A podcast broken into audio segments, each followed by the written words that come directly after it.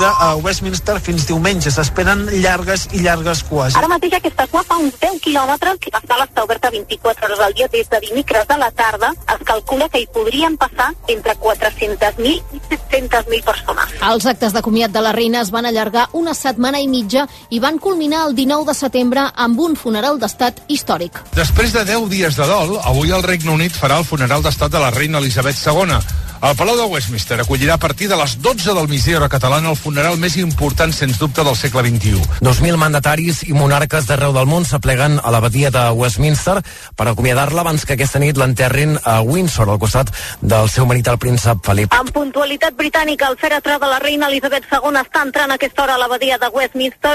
Finalment, com dèieu, el protocol de la Casa Reial Britànica ha assegut de costat a l'abadia a Felip i Letícia amb Joan Carles i Sofia. La cerimònia s'ha acabat amb dos minuts de silenci i després l'himne nacional, el God Save the King.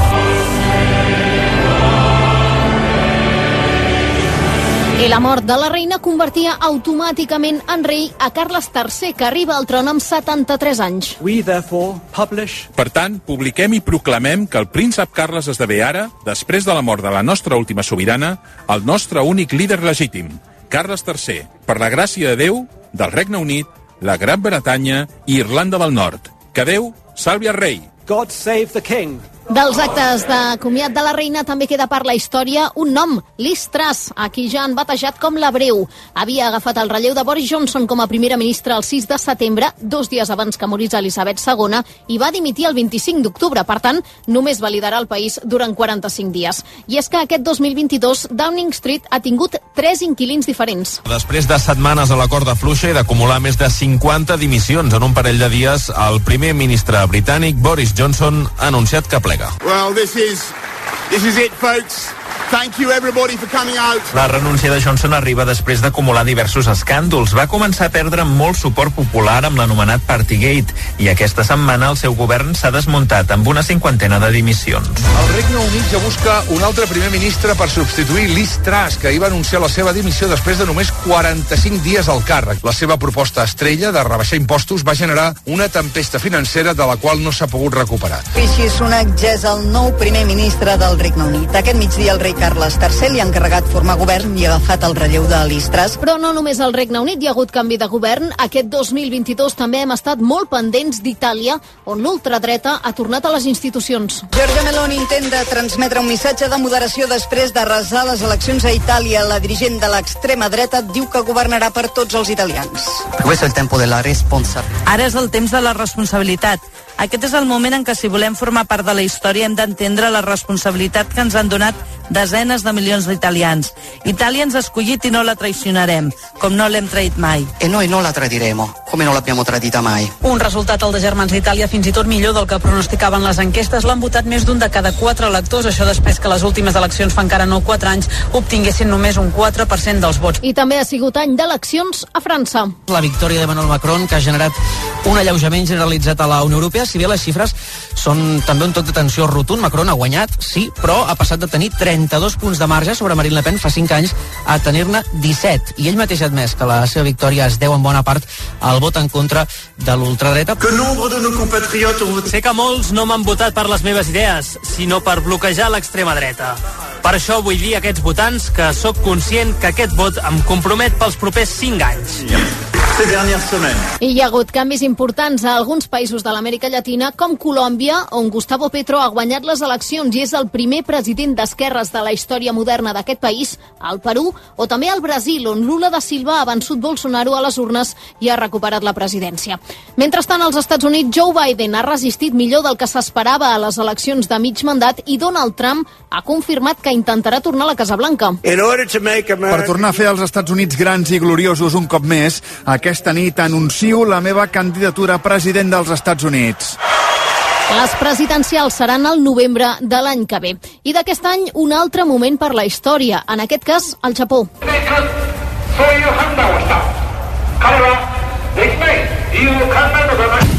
És el moment en què un exmilitar a l'atur assassinava a trets el primer ministre japonès Shinzo Abe durant un acte electoral. Tenia 67 anys. Però més enllà dels canvis de govern, aquest 2022 destaca un moviment social, la revolta de les dones a l'Iran. Fa temps que s'està gestant un malestar creixent per la repressió del règim dels ayatolars, però l'espurna de la revolta es va encendre amb l'assassinat d'una noia kurda de 22 anys, Masha Amini, el 16 de setembre, després de ser detinguda i apallissada per la policia de la moral per no portar el vel ben posat. Des de llavors, les protestes s'han anat estenent a moltes parts del país, amb persistència, però lluny de cedir, les autoritats han respost amb una repressió policial creixent que ja ha provocat centenars de morts, ferits i detinguts.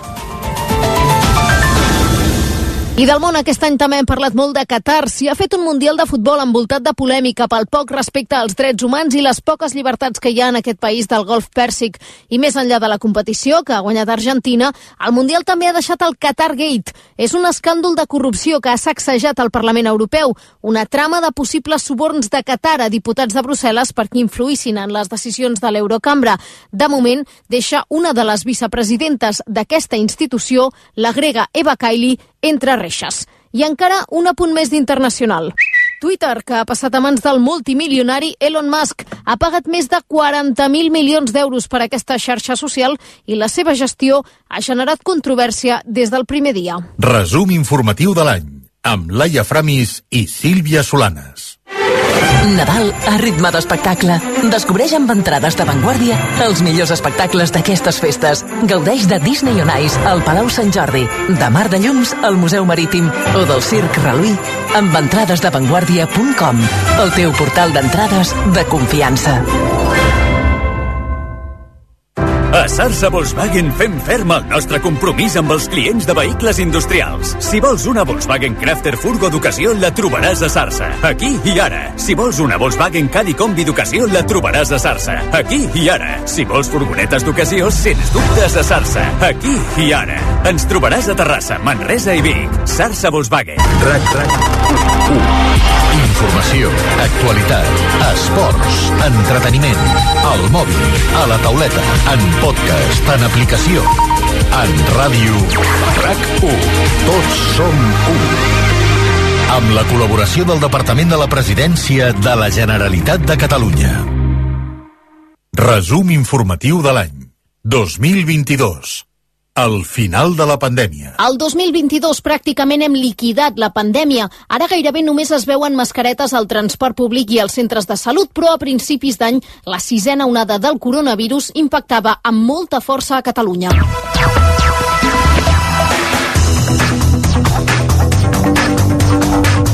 El 2022 va començar amb la variant Omicron del tot desbocada, amb una incidència mai vista fins llavors en pandèmia, molt per sobre dels 1.000 casos per cada 100.000 habitants. Absolutament tothom es va confinar o tenia algun familiar o amic fent quarantena. Omicron semblava més lleu i provocava menys hospitalitzacions, però era molt més contagiosa que les variants anteriors. La variant Omicron, són les 8 i 21 minuts, continua fent estralls i marcant pics de contagis tant a Catalunya com a Espanya com a Europa. Fins al punt que l'Organització Mundial de la Salut preveu que més de la meitat de la població del nostre continent agafi aquesta variant en qüestió de dos mesos.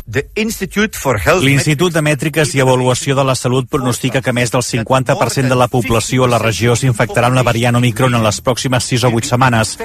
Deixeu-me insistir que les vacunes aprovades fins ara encara protegeixen bé de malaltir greument i de morir, també amb Omicron. Ara bé, a causa de l'augment sense precedents de la transmissió, estem veient també com creixen les hospitalitzacions. Durant les vacances de Nadal a Catalunya hi havia toc de queda d'una a 6 de la matinada, es podien reunir un màxim de 10 persones, els restaurants treballaven al 50%, les discoteques estaven tancades i les quarantenes eren d'una setmana per positius i per contactes estrets no vacunats. I les reunions de Nadal van fer que després de les festes els casos es disparessin encara més. Es va intentar que les persones que donaven positiu amb un test a casa ho poguessin comunicar a les farmàcies per descongestionar els CAPs i també es va posar un preu màxim als testos d'antígens que fins llavors costaven entre 10 y 15 euros. Que el acuerdo adoptado por unanimidad ha sido el de fijar el precio de venta al público máximo de los test de antígeno para autodiagnóstico a 2,5 94 euros. I quan va entrar en vigor, durant uns dies era complicat trobar-ne a les farmàcies. Hem vingut avui a la farmàcia a comprar test d'antígens perquè no ens torni a passar com a Nadal. La vam haver de comprar per tota la família per abans de les trobades no tenir un disgust. I la meva sorpresa ha sigut que estaven més barats del, del que m'esperava. He anat i he comprat uns quants perquè potser a partir de demà ja no hi ha. La segona setmana de gener es van diagnosticar més de 250.000 casos a Catalunya. Als hospitals hi havia gairebé 3.000 persones ingressades amb Covid i 700 estaven a la UCI. Ara bé, a principis d'any, el 85% dels catalans de més de 12 anys ja tenien la primera dosi i un 40% s'havien posat la dosi de record i amb un nombre de contagis superior al del Nadal anterior, la xifra de morts per la pandèmia era 13 vegades inferior. A mitjans de mes sembla que la corba es comença a doblegar i com que comencen a baixar lentament els positius i la pressió als hospitals i es demostra que les vacunes eviten casos greus però no les infeccions, a partir de finals de gener i durant el mes de febrer s'aixequen la gran majoria de restriccions. Ahir el Departament de Salut va reportar un nou pic de contagis.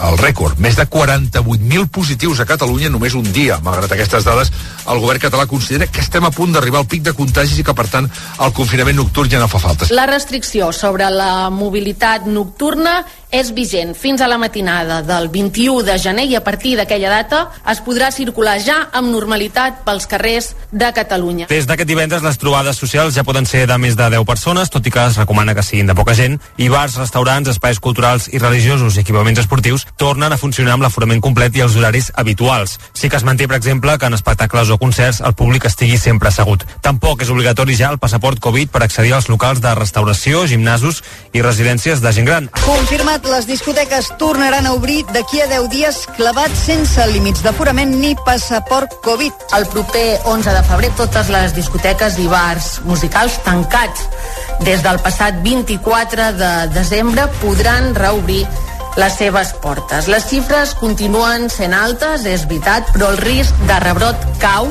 i baixa també la velocitat de contagi. Les persones ingressades continuen sent moltes, però no creixen les UCIs i a poc a poc també va baixant la pressió assistencials als centres de primària. I tot això va ser en menys d'un mes i a l'abril es van acabar les quarantenes. Els positius per Covid ja no s'havien de confinar obligatòriament. Des d'avui ja no es fan proves als casos lleus o asimptomàtics de Covid que tampoc hauran de fer quarantena. Així figura en el nou protocol del Departament de Salut, que això vol dir que estar infectat de Covid ja no implica automàticament tenir la baixa laboral. Si només es tenen símptomes lleus no cal anar al metge i tampoc cal confinar-se. Si els símptomes empitjoren, llavors cal anar al metge i demanar la baixa laboral. Si tens aquesta sintomatologia respiratòria, estàs en tos, en mal de gola, en febre o el que sigui, has de comportar igual si és una Covid que si és una grip que és un altre virus respiratori. I una setmana després, el 20 d'abril, i per primera vegada des que havia començat la pandèmia, s'acabaven les mascaretes a la majoria d'espais interiors. En los hospitales, en los centros sociosanitarios, pensemos en residencias de mayores y también en los transportes.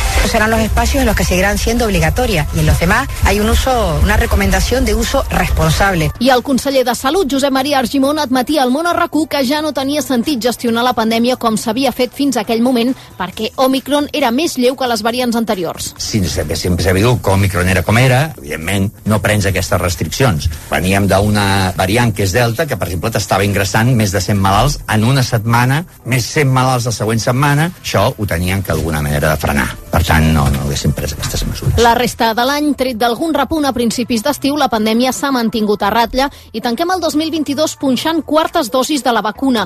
I al setembre, el secretari general de la OMS, Tedros Adhanom, deia que al final de la pandèmia estava cada vegada més a prop. Last week. La setmana passada, el número de morts setmanals per Covid va ser la més baixa des del març del 2020. Mai hem estat en una millor posició per acabar amb la pandèmia. Encara no hi som, però al final és a tocar. The end is inside. De fet, el Covid acaba l'any molt lluny de la onada del 2021, però aquest mes de desembre ha tornat amb força la grip a la població general i també la bronquiolitis amb els més petits. Laia Colomer, bon any. Bon any. La Laia és la redactora d'informatius que sol cobrir els temes de salut i no sé si recordes, Laia, el que ens deies ara fa un any quan et demanàvem un desig per aquest 2022. Doncs sí que el recordo perquè fa un any estàvem en plena onada de l'Omicron que va desbordar totes les xifres de contagis que s'havien registrat fins ara i sé que en aquell moment vam comentar que l'Omicron, malgrat eh, provocar més contagis que mai, també podria significar el final de la pandèmia i el meu desig per aquest 2022 era aquest, que fos per fi l'any que podíem dir que la pandèmia s'havia acabat. Per tant, desig complet? Jo crec que mitges, que hem de passar aquest hivern, però jo crec que sí que podem dir que la pandèmia ja l'estem tractant d'una manera molt diferent al, al que fèiem abans. No sé si creus que hem arribat en aquell punt que en vam parlar tant, eh, de que el Covid finalment és com una grip. Jo crec que més el sistema sanitari que no pas socialment les persones. El sistema sanitari sí que l'està tractant bàsicament com una grip o una altra malaltia respiratòria, vas a l'ambulatori perquè et trobes malament i no et fan la prova. En canvi, nosaltres socialment sí que encara una mica tenim la necessitat de saber si és Covid o és una grip o és una altra cosa, perquè sembla que si és Covid ens hem de protegir més que una altra malaltia quan cap a les persones vulnerables és igual de perillosa una grip que el Covid. Per tant, crec que el sistema sanitari sí que fa passos endavant per tractar-ho com una grip, però que socialment tot el que hem viscut durant més de dos anys encara ho portem a l'esquena i ens costa més normalitzar-ho. Pel que fa a les vacunes, ho explicàvem fa una estona, estem tancant aquest any punxant quartes dosis. Pot ser que la vacuna contra el Covid acabi sent una mica com la de la grip, és a dir, que les persones vulnerables se l'hagin de punxar cada any?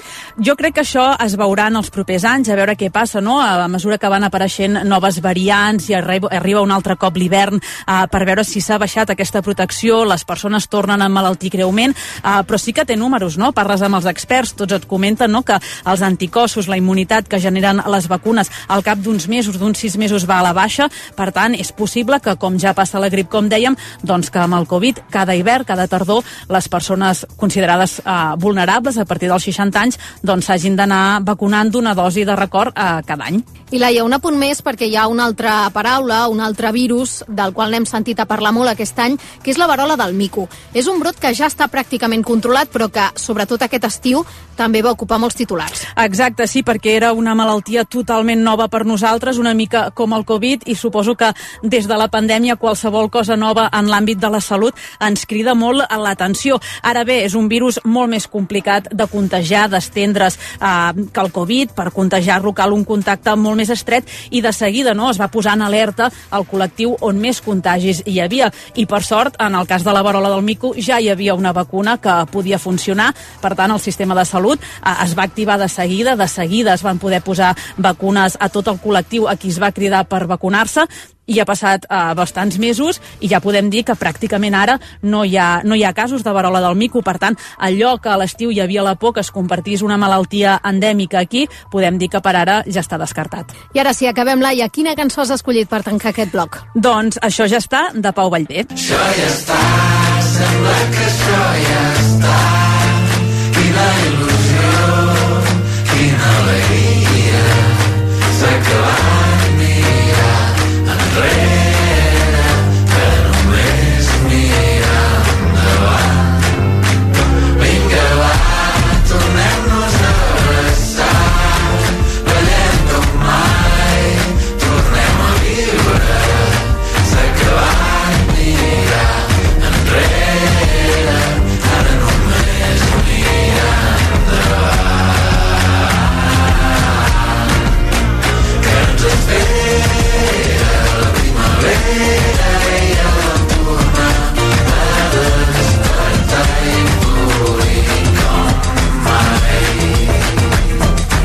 Resum informatiu de l'any. Nadal a ritme d'espectacle. Descobreix amb entrades d'avantguàrdia els millors espectacles d'aquestes festes.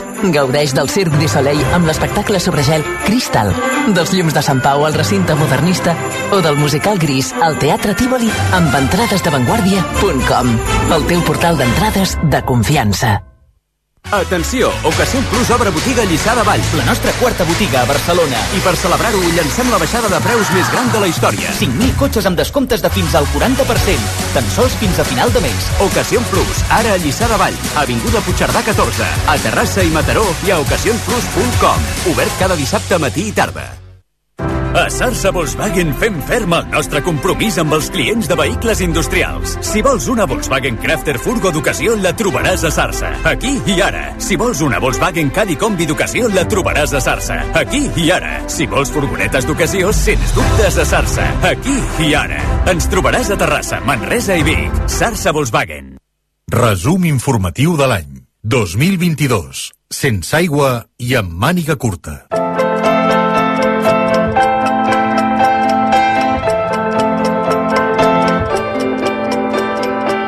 De la complicada situació meteorològica que hi ha al país a l'expectativa de confirmar si aquest acabarà sent un dels mesos d'octubre més càlids de la història.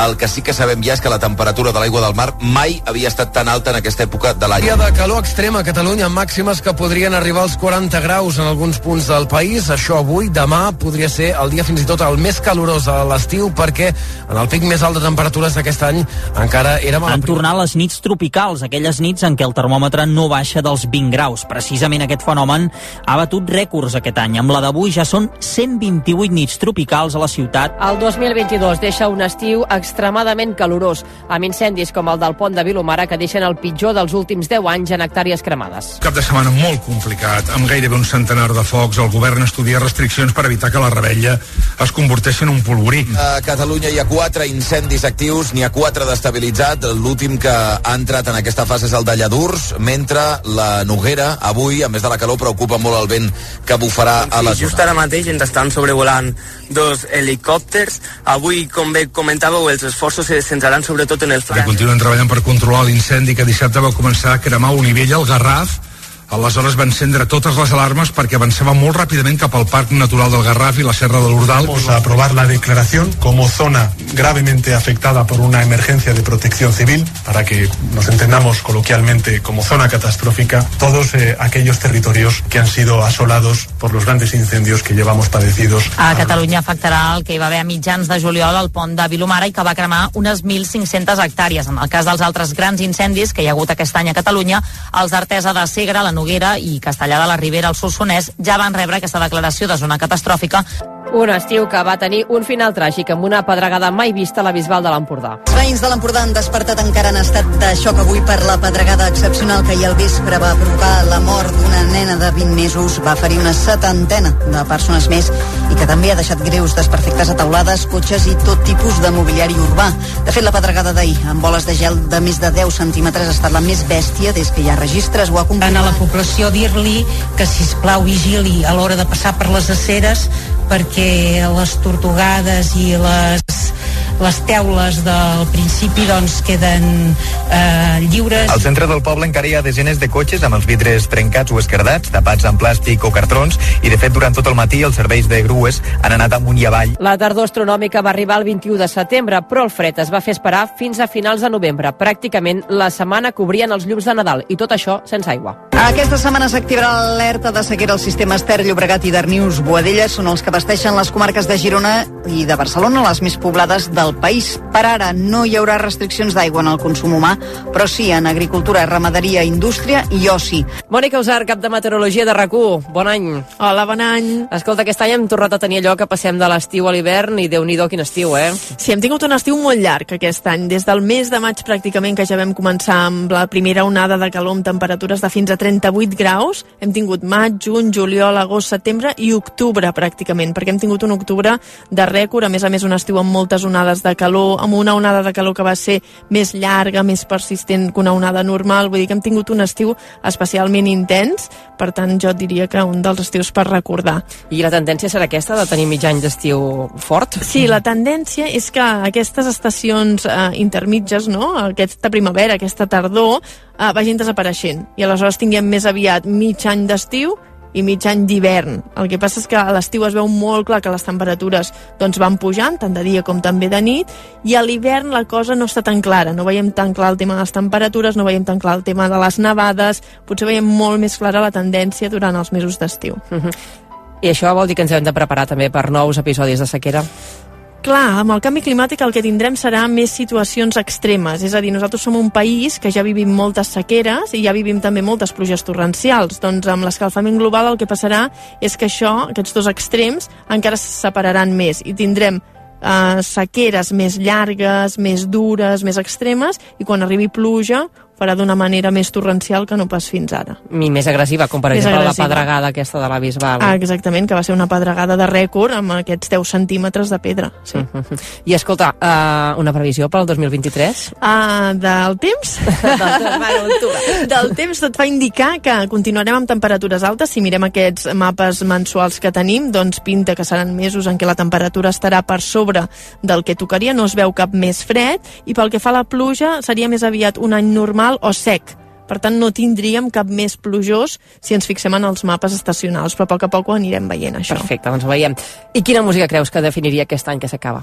Doncs mira, una música estil Quin planeta et deixem, del Xiula. Ho hem estat gastant, consumint a cada pas, que estàs respirant, canvia el gas. Ho hem estat tirant, i en vas no saps on vas, mira al teu voltant, i canvia, canvia allò que fas. Aquest estiu també es recordarà per això. Els d'Esquadra han rebut sis denúncies per punxades d'agulla a noies en discoteques, punxades que injectarien alguna substància psicotròpica per desorientar sobretot noies. Els Mossos ja han rebut 17 denúncies de possibles casos de submissió química a través de punxades. 12 són a Lloret de Mar i 5 més a Barcelona. És un fenomen nou a casa nostra, tot i que tenim coneixement de que apareix a França l'any 2021, però aquí en el nostre cas el que té lloc és majoritàriament en poblacions de turisme d'oci nocturn, a dintre de les discoteques, i la seva introducció doncs, possiblement estigui relacionada amb aquest grup de població turística. Ho Tots els que podem estar en un espai d'oci som responsables de que aquests fets no es produeixin. Cal donar tots els mecanismes de suport, d'alerta i els protocols d'actuació davant de les dones que puguin ser víctimes d'això. Però també a tots els homes. Això no és una qüestió de les dones quan van de festa. Això ens La xifra de casos per submissió química amb punxades es manté en les 18 denúncies. El govern ha actualitzat el protocol i demana que es facin analítiques de seguida a Una altra de les novetats és que els hospitals han de valorar si en els tres dies posteriors a l'agressió cal fer-los una prova de detecció del VIH. L'objectiu és reforçar els circuits de prevenció, atenció i denúncia. La víctima d'estar atesa en tot moment. En un any en què les agressions masclistes han tornat a ser notícia. L'Hospital Clínic, que és el centre de referència en casos d'agressions sexuals a Barcelona, ha presentat un informe demolidor. Atenció, des de principis d'aquest any ha atès més de mig miler de víctimes. Això és un 50% més que l'any passat i un 40% més que el 2019, l'any abans de la pandèmia del coronavirus. El director general de l'Hospital Clínic, el doctor Josep Maria Campistol, considera que l'escenari és intolerable. Ho sento, però la nostra societat està malalta, i ho dic així de clar, està malalta i tenim una societat masclista i, a més a més, violenta. Per tant, és autènticament dramàtic que avui, en el segle XXI, 2022, 2023, ciutat de Barcelona, Catalunya, tinguem aquesta situació amb aquestes xifres. Ho sento, però és dramàtic i crec que tots hem de fer el que puguem per intentar evitar aquesta xacra Les escoles també han estat a l'ull de l'huracà. L'avançament del curs, la sentència que obligava el 25% en castellà, les vagues de 5 dies del sector i per la calor a les aules. Avui mestres i professors estan cridats a la vaga contra la gestió de la Conselleria d'Educació, especialment del seu conseller Josep González Cambrai. Fins a finals de mes, sindicats de l'escola pública han convocat 5 dies d'aturada. Participen una cinquantena de professors que podeu sentir amb càntics contra el departament, contra el conseller Cambrai i que també porten una pancarta on s'hi pot llegir Seguim en lluita per No l'educació. ens hem aixecat ni ens aixecarem mai de la taula. Nosaltres no hem trencat cap negociació, volem un acord, hem fet diferents propostes d'acord i per tant seguirem treballant dia rere dia. Eudal Martínez, redactor especialista d'Educació. Bon any. Bon any. Any mogut, però sembla que la sang no ha arribat al riu i ha acabat calmat, no? Sí, la veritat és que ha estat un any molt intens pels periodistes que seguim els temes vinculats amb l'educació. El vam començar al febrer amb l'anunci del president aragonès que el curs començaria a, a, a una setmana abans del que era habitual, aquest curs que hem començat ara ja fa quatre mesos, i això alhora comportava una sèrie de canvis en els horaris del setembre, amb la jornada intensiva al matí, les tardes de lleure, aquell anunci que era el 10 de febrer, ara queda lluny. Però segurament ningú s'esperava que acabés desembocant en una de protestes més importants del sector de l'educació dels últims anys, unes protestes com ara sobretot els 5 dies de vaga que hi va haver el mes de març, en alguns casos amb més de 20.000 docents al carrer, i ara és veritat que sí que sembla que tenim una mica més d'estabilitat, tot i que l'esquerda entre el departament i sindicats ni molt menys està tancada pel que eh, comenten uns i altres, i tot apunta que el 2023 no m'estranyaria que poguéssim tenir alguna altra protesta, ja veurem eh, en quin caire. Molt bé, doncs estarem pendents a veure com va evolucionant. I escolta, i el tema de l'obligació del percentatge del castellà a l'escola el podem donar per tancat o encara tindrem més capítols, també? No, no, no, tindrem, tindrem més capítols i de fet aquest 2023 podríem tenir el que hauria de ser, per dir-ho així, l'episodi clau. I és que en principi, eh, ja sabem que els tempos judicials són com són i mai mai és, eh, mai és fàcil fer pronòstics, però en principi al llarg d'aquest 2023 el Constitucional ha de resoldre si l'entremat normatiu que va aprovar el govern per esquivar el 25% de castellà a les aules s'adapta o no a la legalitat estatal. Per situar una mica ràpidament els oients sobre què ha passat aquest 2022, al mes de maig el Tribunal Superior de Justícia dona 15 dies d'educació per aplicar el 25% a totes les escoles del país. Llavors el govern i també els partits del Parlament elaboren dos mecanismes per aturar-ho, un decret i una llei que el que fan és establir el català com a llengua vehicular, però alhora reconeix el castellà com a llengua també curricular i al mateix temps eh, prohibeixen els percentatges a l'hora de definir els projectes lingüístics. Tant el mateix TSJ com diversos partits unionistes han portat aquesta normativa al Constitucional, que ja ha acceptat els recursos a tràmit i, per tant, ara ha de tenir l'última paraula sobre si s'adapten o no a aquesta normativa estatal. Perfecte, doncs estarem molt, molt pendents de com acabi evolucionant. I per acabar, quina cançó li donaries a aquest 2022 que deixem enrere? Doncs mira, he escollit a Pau Vallvé, una cançó de Pau Vallvé de l'últim disc, que es diu En positiu millor, perquè segurament té un missatge que moltes famílies que es porten els seus fills a l'escola tenen ganes doncs, que aquest any 2023 sigui una mica més tranquil. I si parem de criticar.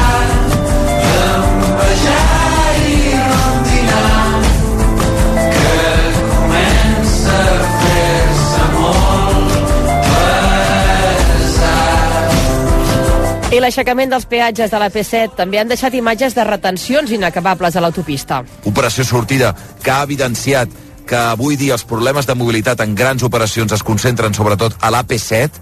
Ahir va haver-hi de nou al matí, ho explicàvem, el programa Jornades de cues quilomètriques. Eh, engegues, arrenques, engegues, arrenques, no? Eh, les persones es relaxen, no? I ocasiona, doncs, aquests encalços, que això... Comença ara sí a normalitzar-se la situació a les carreteres, després d'un matí realment complicat, amb fins a 15 quilòmetres de cues Sí, a la Jordi P7. Puigneró recomanava a primera hora des del Via Lliure de RAC1 planificar l'hora de sortida davant la possible saturació de la P7. que la gent esglaoni al màxim possible la seva, la seva tornada perquè la capacitat que té la P7 és la que és. Atenció als qui viatgeu per l'AP7 perquè des d'aquesta matinada ja ha entrat en vigor el límit de velocitat a 100 km per hora entre Granollers i el Papiol. És una de les mesures que van acordar el Servei Català de Trànsit i el govern espanyol a principis de novembre per reduir els accidents i el nombre de víctimes mortals. Els Mossos d'Esquadra també han estat protagonistes d'aquest 2022. Després del trencament de govern, uns canvis a la cúpula van assenyalar el conseller Joan Ignasi Helena. Josep Maria Estela ja no és el comissari en cap dels Mossos. No, Interior l'ha cessat aquest matí i situa el fins ara número 2, Eduard Sallent, com a cap de la policia en funcions. Una decisió fulminant que arriba tot just 9 mesos després del nomenament d'Estela com a Feia cap mesos que Estela i Sallent tenien fortes discrepàncies i feia setmanes que s'especulava amb el possible relleu del comissari en cap. Ell té més suports dins l'estructura de Mossos, però Sallent més vincles amb el departament i això ha acabat pesant més. Segons acaba d'anunciar Interior, Estela s'encarregarà ara de pilotar la regió policial de Ponent. El conseller l'ha hagut de cessar perquè Estela s'ha negat a Sí, dimitir. han existit uh, diferències i moltes coincidències també que m'han portat a prendre una decisió en ús d'una discrecionalitat i una responsabilitat que tinc com a conseller per garantir i tirar endavant un model que és la meva responsabilitat El Parlament ha reprovat el conseller d'Interior Joan Ignasi Helena. Ho ha fet a petició del PSC i gràcies a l'abstenció de Junts per Catalunya. I de policial a judicial pels jutjats aquest any ja ha passat Neymar. Hay opciones de muchos clubes, pero mi sueño siempre fue jugar en Barça. Eh, yo desde niño quería jugar ahí por los jugadores que tenía, por ser en Barcelona y bueno, yo sigo siempre en mi corazón, en mi corazón siempre pedía Barça. O la mesa del Parlament, quan Roger Torrent n'era president per haver debatut sobre la monarquia i que els van absoldre. També hi ha hagut desenllaç del cas dels abusos del professor dels maristes, que finalment ha entrat a la presó, i s'ha reobert el cas d'Helena Jubany. Benet Iñigo, cap de Societat de RAC1, bon any. Hola, bon any. Si haguessis de destacar un fet d'aquest 2022 des del punt de vista de societat, amb què et quedes? Doncs mira, sé que n'has parlat o en parlaràs amb la Mònica Usar, però el canvi climàtic en el sentit de que ens afecta a nosaltres en moltes coses, perquè eh, n'hem parlat durant els incendis de l'estiu, en la sequera que hem tingut aquesta tardor, amb la calor que va ser el tema més comentat de, dels mesos de centrals de l'any, i fins i tot en el comportament dels virus en l'evolució de la pandèmia del coronavirus. Uh -huh, molt bé. I què és el que us ha fet anar més de corcoll aquest Mira, any? a nivell personal, la crisi als Mossos d'Esquadra, que va començar el desembre de l'any passat, però que s'ha allargat realment durant tot l'any i encara ara està oberta i ha anat eh, tenint episodis a mesura doncs, que es reobrien ferides i es posava en dubte les ingerències polítiques o no dins del cos de, dels Mossos. Per tant, tindrem nous capítols aquest Segur, 2023. segur. Sí. Doncs estarem pendents. I des del punt de vista judicial, Doncs destacaria que després d'anys que centrava molt la crònica judicial en el procés, eh, aquest any hi ha hagut nous capítols amb el, ju- amb el judici i absolució a la mesa de Roger Torrent i altres, i, o els primers revés de Puigdemont a l'esfera internacional quan la justícia europea, eh, diguem-ne, ha renyat Bèlgica per haver denegat l'extradició, però més enllà d'aquests casos tornem a tenir altres. I en aquest any, 2022, n'hi ha hagut diversos de que afecten famosos. Sabem que Shakira anirà a judici i que li demanen fins a 8 anys de presó. Serà un judici interessant i sabe, aquest any hem sabut tot el contingut. Hem tingut el judici a Neymar, que, que també ha acabat en absolució pel seu fitxatge pel Barça, i tant en aquest judici com en un altre, Sandro Rossell s'ha tornat a seure al banc de, dels acusats. Eh, per tant, doncs, ha sigut sucós en aquest sentit, i deixem destacar un altre judici que també per mi ha sigut dels més curiosos de l'any, és el del Rosco de Passar Palabra, que a Telecinco ha guanyat Antena 3 i Antena 3 en principi hauria de deixar d'emetre aquest popular concurs de televisió. molt bé, estàs ben distret. I escolta, recordo l'any passat parlar de les agressions al col·lectiu LGTBI, aquest any no se n'ha parlat tant, però sí que no hem parat de parlar de punxades. Sí, eh, les agressions al col·lectiu LGTBI han seguit creixent, cosa que és alarmant.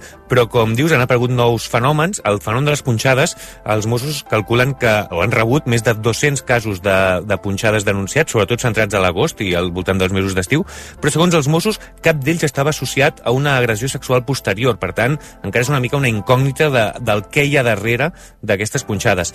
Una informació que és contradictòria amb la que va donar fa poc al clínic, abans d'acabar l'any, que és que de la setantena de casos de punxades que han atès ells, diuen que dos sí que hi havia hagut una agressió sexual posterior. Per tant, aquí hi ha un decalatge, una, una contradicció entre les dues dades, i el que està clar és que en cap cas de punxades en lloc s'han detectat quina substància o si hi havia alguna substància inoculada a través d'aquesta punxada. I una cançó per definir el 2022. Mira, jo t'he triat eh, una cançó que es diu Colps de puny, del grup valencià Pupiles, perquè ara que parlem tant del només sí és sí, de les agressions sexuals que malauradament doncs, han tornat a créixer també, eh, molt adequada de cara a com enfronten les dones i les noies aquesta situació. Gira la mirada espantada caminant Té por a la nit, carrers mal il·luminats Escolta xiular dèbil, cada cop més prop Apreta el pas de pressa com si anares a galop Des d'un cotxe al I semàfor acabem el repàs recordant l'assalt mortal a la tanca de Melilla el mes de juny. Tragèdia a la tanca de Melilla amb 18 morts i uns 200 ferits entre immigrants i policies en el primer intent d'assalt massiu des que Espanya i el Marroc han iniciat una nova etapa diplomàtica. Fue un ataque a la integridad territorial de nuestro país, de una manera violenta.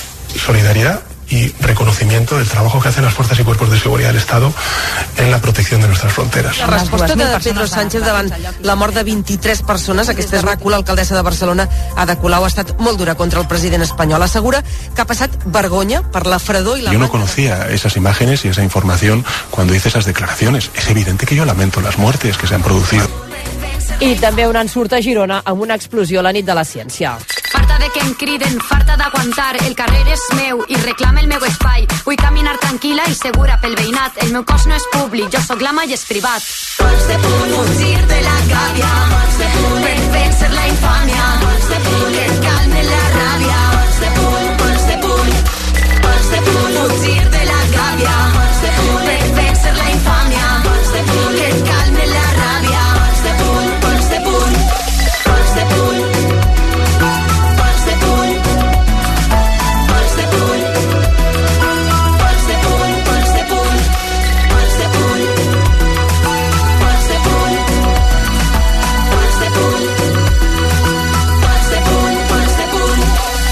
Resum informatiu de l'any amb Laia Framis i Sílvia Solanes. RAC més 1, podcast. RAC més 1 presenta Estadella Michelin. Cuinar i riure amb Guillem Estadella. Un programa immersiu. ofegar les llenties, o sigui, en els fondos abismals de la, de la cassola i en plan submarino. Un programa creatiu. Prohibido prohibir, fica el que a tu t'agrada i si t'agraden els macarrons amb ketchup, pues adelante, que fa baixada. Un programa amb autèntics especialistes. El dominó és eh, dels pocs postres que sé fer, només et dic això. Quin, quin és l'altre que sabries fer? Uh, no no, dels pocs postres vol dir l'únic postre que s'ha fet. Un programa amb paraules sàvies. Yo la aprendí de mi madre, mi madre supongo que de mi abuela, pero cada uno luego tiene su toque personal. T'agradi o no t'agradi cuinar, Estadella Michelin. A RAC més 1 i al canal de YouTube de RAC 1. Tenim un país que culinàriament parlant eh, és brutal. Tots som més 1. Carnaval a ritme d'espectacle. Descobreix amb entrades d'avantguàrdia els millors espectacles d'aquestes festes. Gaudeix del Circ du Soleil amb l'espectacle sobre gel Cristal, dels Llums de Sant Pau al recinte modernista o del musical gris al Teatre Tívoli amb entrades d'avantguàrdia.com, el teu portal d'entrades de confiança. Resum informatiu de l'any 2022. L'any de Rosalia i d'Alcarràs. Si parlem de música, el 2022 probablement torna a ser l'any de Rosalia. Baby, no me llames que yo estoy ocupada olvidando tus males. Yo decidí que esta noche se sale con tu amigo, tu mami, con toda mi El seu tercer àlbum, Motomami, acumula més d'un bilió de reproduccions a Spotify i aquest Despecha és per molts la cançó de l'estiu. Però té un competidor fort.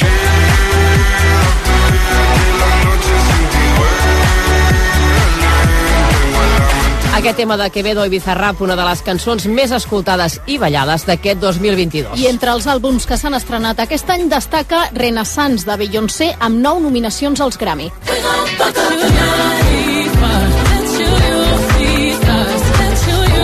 També hi ha Un verano sin ti de Bad Bunny. Yo no me dejo llevar de nadie, yo solo me dejo llevar de Ell és l'artista més escoltat al món per tercera vegada segons el rànquing de Spotify. I d'aquest any també destaca Midnights de Taylor Swift.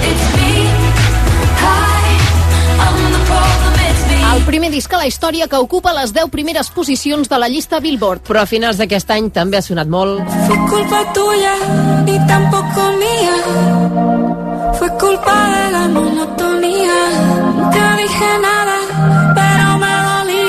Monotonia, la cançó de Shakira i Ozuna sobre la ruptura amb Gerard Piqué. I aquest 2022 també destaca un retorn. Antònia Font va estrenar el directe d'un minut estroboscòpica a Barcelona l'últim dia del Primavera Sound. L'any que ve el festival tindrà doble seu a Barcelona i a Madrid. Aquesta primavera, en l'edició de Després de la pandèmia, tenia Dua Lipa entre els principals caps de cartell. I d'aquest 2022 també hem de destacar un comiat molt sentit als escenaris. Paraules d'amor senzilles i tendres no en sabia Serrat ha fet la seva última gira, el vicio de cantar, per acomiadar-se del públic després de 50 anys de carrera. I qui també ha fet gira de comiat és José Luis Perales. y se marchó y a su barco le llamó libertad Tot plegat en un any en què tocaven de senar els avalls i on s'ha tornat a parlar, i molt, d'Eurovisió.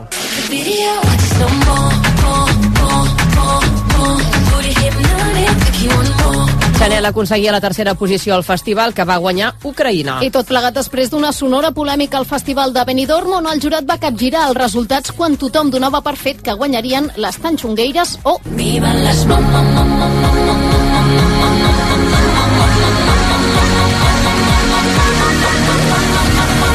No sé por qué Rigoberta Bandini amb aquest Ai Mamà, que és sens dubte una de les altres cançons d'aquest 2022. Com també ho ha patat M'he enamorat al supermercat puja la calor la secció del congelat M'he enamorat la història d'amor que explica Lil Dami a un supermercat. On Lil Dami, per cert, que també feia de jurat a un dels fenòmens televisius i musicals d'aquest any a Catalunya. El concursant que acumula el 61% dels vots i que, per tant, es converteix en el guanyador de la primera edició d'Eufòria és...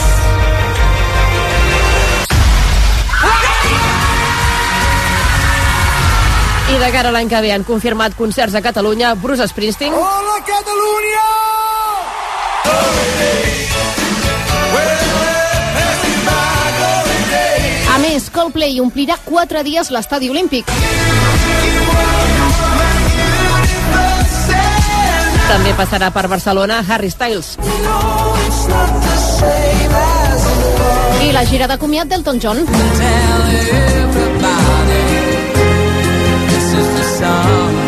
Concert que estava previst per abans de la pandèmia i que s'ha hagut d'ajornar tres vegades. Això pel que fa a la música, però si parlem de cinema, un dels moments de l'any és aquest. The 2022 Berlinale Golden Bear goes to the movie Alcaraz. El Carràs de Carla Simón guanyava l'Os d'Or de la Berlinale. Uns premis als Oscars de Hollywood que aquest any no van ser tan notícia pels guardons com per aquest moment. Jada, I love you. Jada, t'estimo. Tinc ganes de veure la Teniente O'Neill 2, d'acord? Estan bé, no? Oh, Richard.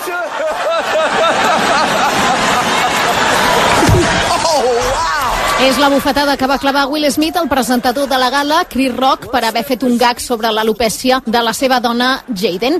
Maria Cusó, bon any. Hola, molt bon any. Per la Cap de Cultura de rac quines han sigut les estrenes més sonades d'aquest any i quins títols destacaries dels que veurem durant el 2023? Clar, això és posar-me en un compromís important, eh? però evidentment, si mirem enrere, ja ho heu dit, el Carràs és l'any del Carràs, però també jo crec de Cinco Lobitos, d'Asbestes, de Pacifiction, ha estat un any molt bo, tant pel cinema català com espanyol, i si mirem una mica més enllà, jo diria Belfast, perquè recordem que és una de les primeres pel·lícules que es va estrenar el 2022 i que va portar molta cua, Top Gun Maverick, Elvis, és a dir, una molt bona anyada. I el 2023 venen pel·lículons, que no sé si podem dir així a la ràdio, però eh, l'esperem amb moltes ganes perquè, de fet, moltes de les pel·lícules nominades als Globus d'Or s'estrenaran el 2023, per exemple, Almas en pena ni Inisherin, The Fabelmans o El Triángulo de la Tristeza, i, atenció, torna Indiana Jones, Indiana Jones 5, amb Phoebe Waller-Bridge i Antonio Banderas, també Missió Impossible, la setena, una de les sagues amb més taquilleres de la història, i la Barbie de Greta Gershwin, que pot ser, pot ser interessant de veure. Això pel que fa a les pel·lícules, però si parlem de sèries, segurament hi ha consens en què hi ha tres estrenes destacades. La Casa del Dragón, la preqüela de Joc de Trons, és la sèrie amb més visualitzacions d'HBO a Espanya aquest 2022. També va aixecar molta expectació el Senyor dels Anells, els Anells del Poder. Quin lloc és aquest? Només pot ser un lloc. Basada en els llibres de Tolkien, és la producció per televisió més cara de la història. I aquest 2022 també s'ha estrenat l'esperadíssima cinquena temporada de The Crown. Són 10 capítols que se centren en la vida de la família reial britànica durant els 90 amb el divorci de Lady Di i Carles III com a element principal. Maria, tres sèries més que destacaries d'aquest any? Clar, això encara és més difícil perquè l'univers de les sèries és infinit, tenim tantíssimes plataformes que és impossible. Jo us diria una que no hem esmentat, que és Autodefensa, a Filmin, que és una de les primeres produccions pròpies que ha fet aquesta plataforma catalana i que realment trenca tots els motlles, et fa sentir gran, tinguis l'edat que tinguis, perquè retrata molt bé la generació centennial, que els hi diuen. També Des de Dentro, que és una ficció que es pot veure a Netflix sobre un, un convicte que està al corredor de la mort i que el que fa és desxifrar misteris que passen a fora. Us diria també que és l'any de The Bear, que és aquest xef eh, multipremiat, que és un noi molt jove que agafa un negoci familiar d'entrepans a Chicago i que ha donat molt a parlar per la seva manera, per la seva realització. I també us diria so- Solo asesinatos en el que eh, acumula una bona colla de premis i que realment és un dels tops de la plataforma Disney+. Plus. Pel que fa als llibres, hem de recordar l'aiguat que va caure a alguns punts de Catalunya per Sant Jordi i que va malmetre algunes parades. Però, Maria, quins diries que són els títols més sonats que han arribat a les llibreries durant aquest 2022? Doncs mira, si parlem de Sant Jordi, el llibre més venut en català va ser Benvolguda, d'Empar Moliner, aquest retrat d'una dona que passa la quarantena i que veu una mica com tota la seva unitat familiar trontolla. Jo us diria que un llibre que també és preciós, que s'ha venut molt i que s'ha comentat molt, sobretot ara a final d'any, és Els nois de Hidden Valley Road, de Robert Colker, que és un llibre que parla d'una família americana que té 12 fills i dels quals 6 pateixen esquizofrènia. Va ser un cas que va ajudar molt a entendre aquesta malaltia tan perversa. I després hi ha un llibre que va editar Club Editor que aquest estiu, que es deia La veritat sobre la llum, d'una autora islandesa que ara quedaré fatal perquè no pronunciaré bé el seu nom, que és Adura Ava Olaf Dottir, que parla del procés de la maternitat, de les llevadores, però que no és un llibre per dones, és un llibre per tothom perquè parla d'aquest procés de cures que, que tenim. I, Maria, una cançó per tancar bloc i any. Doncs mira, uh, us proposaria una cançó del grup lleidatà Selva Nua, que és un grup que tot just acaba de començar, que té una sonoritat molt especial i que jo crec que ens sentirem a parlar i molt de fet serà un dels caps de, caps de cartell o un dels participants al Vida, a més amb un molt bon dia, que és dissabte. És un grup això, de la terra ferma i que se'n sentirà parlar molt, jo crec. I això en un 2022 que a Catalunya ha sumat un nou restaurant 3 estrelles, la Cocina de los Hermanos Torres, a Barcelona. I també que aquesta casa ha sumat un nou Premi Ondas, el de millor programa de ràdio per l'equip del món a RAC1. Ells i elles són els protagonistes avui, sobretot, i a totes les ràdios del món, gràcies a aquesta gent i per vosaltres. I com sempre m'agrada dir, la ràdio, sempre la ràdio i visca la ràdio. Aquest és el tercer Ondes per Jordi Basté, que a títol personal també té el de millor presentador i millor trajectòria.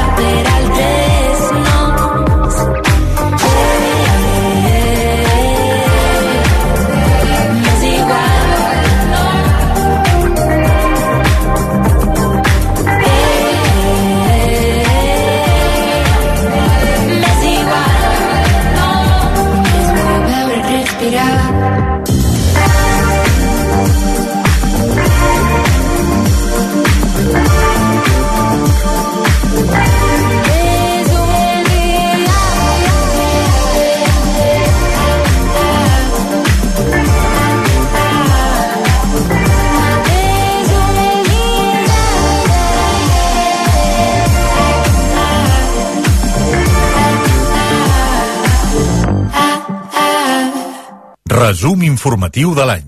Aquest 2022 ens ha deixat... És l'home estàtic, la trist... Aquest 2022 ens van deixar veus com la del músic i compositor Pau Riba. També Sidney Poitier, primer actor negre que va guanyar l'Oscar al millor actor amb els Lliris dels Prats. O David Sassoli, president del Parlament Europeu. L'arquitecte Ricard Bofill, El dissenyador Toni Miró l'actor Juan Diego i el també actor de la cubana Jaume Bausis. Anirem tots cap al cel. Però també una altra veu referent de la música en català, Núria Feliu. L'actor nord-americà Ray Liotta I al mateix dia, el músic Andrew Fletcher, teclista de Depeche Mode. Aquest 2022 també va morir l'exministre de Cultura José Guirao. Shinzo Abe, primer ministre del Japó. O Jordi Bonet, arquitecte de la Sagrada Família, que va dirigir les obres del temple en una etapa decisiva del 1985 al 2012. I també el monjo Josep Massot i Montaner, defensor de la llengua catalana. I la veu que feia Pingo, Carlo Bonomi. What's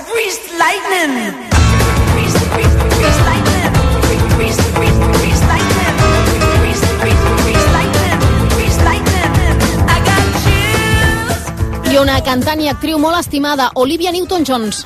L'escriptor i columnista Javier Marías. El director de teatre Joan Uller. Elisabet II, reina d'Anglaterra.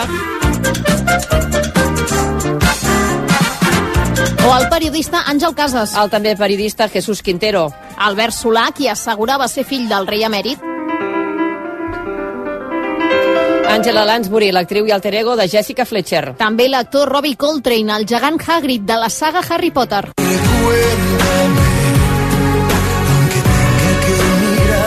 Maria Salut Ramírez Caballero, la dona que va inspirar Mamà Coco a la pel·lícula de Disney Pixar. L'expresident de la Unió Soviètica, Mikhail Gorbachev. El cineasta francès Jean-Luc Godard.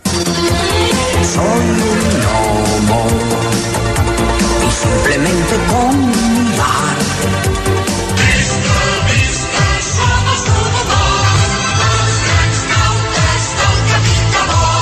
Biern Boyd, productor, guionista i director, també conegut com el Walt Disney espanyol. L'actriu Rosa Mariscal, que va donar vida a la doctora Valverde a Hospital Central. El bisbe de Girona, Francesc Pardo. Miquel Strubel, sociolingüista i fundador de l'ANC. You shake my nerves and you rattle my brain.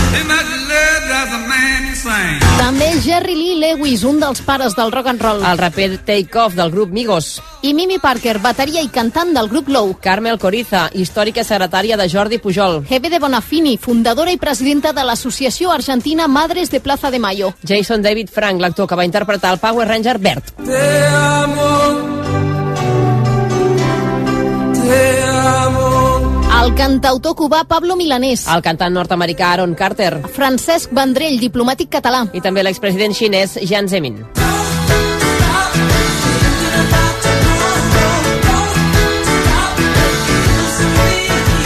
La cantant i teclista de Fleetwood Mac, Christine McVie. L'escriptor francès Dominique Lapierre i també el compositor nord-americà Angelo Badalamenti, autor, entre d'altres, de la banda sonora de Twin Peaks. L'actriu nord-americana Christy Ali. I el mateix 31 de desembre, Benet XVI, el papa emèrit.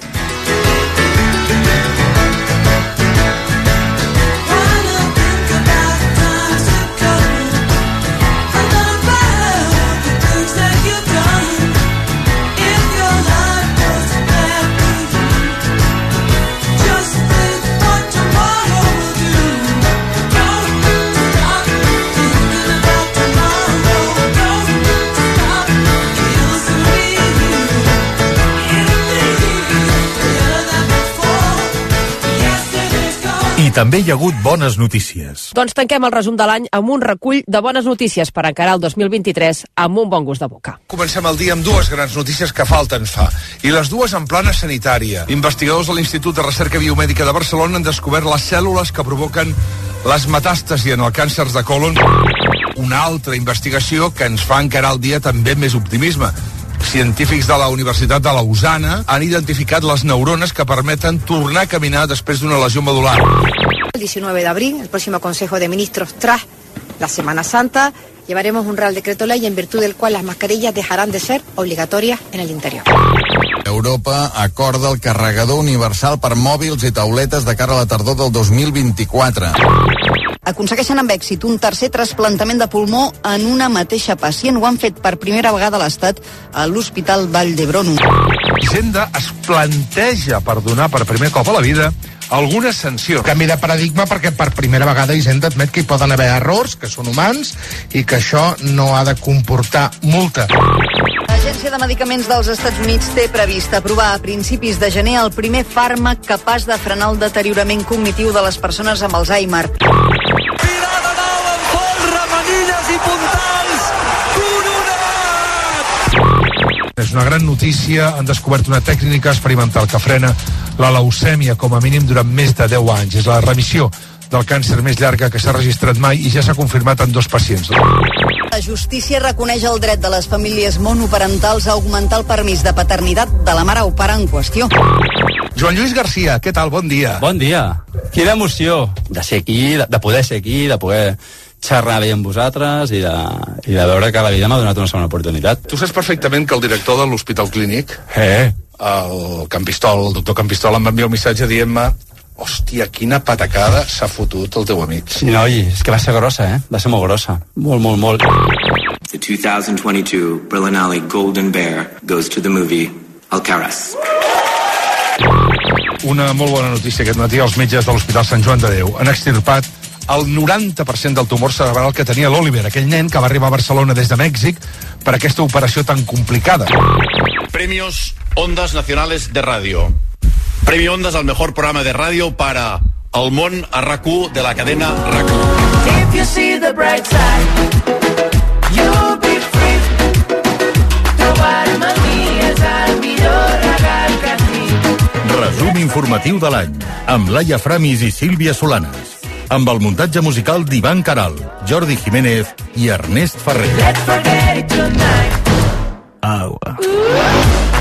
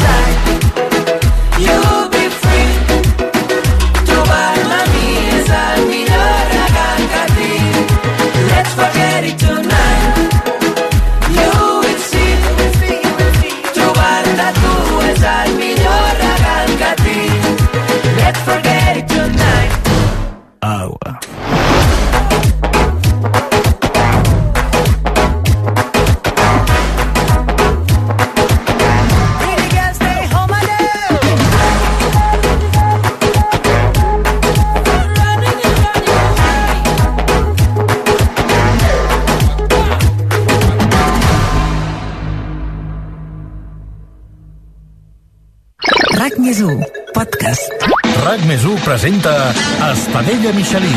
Cuinar i riure Estadella. Un programa immersiu. Ofegant les llenties, o sigui, en els fondos abismals de la, de la cassola i en plan submarino. Un programa creatiu.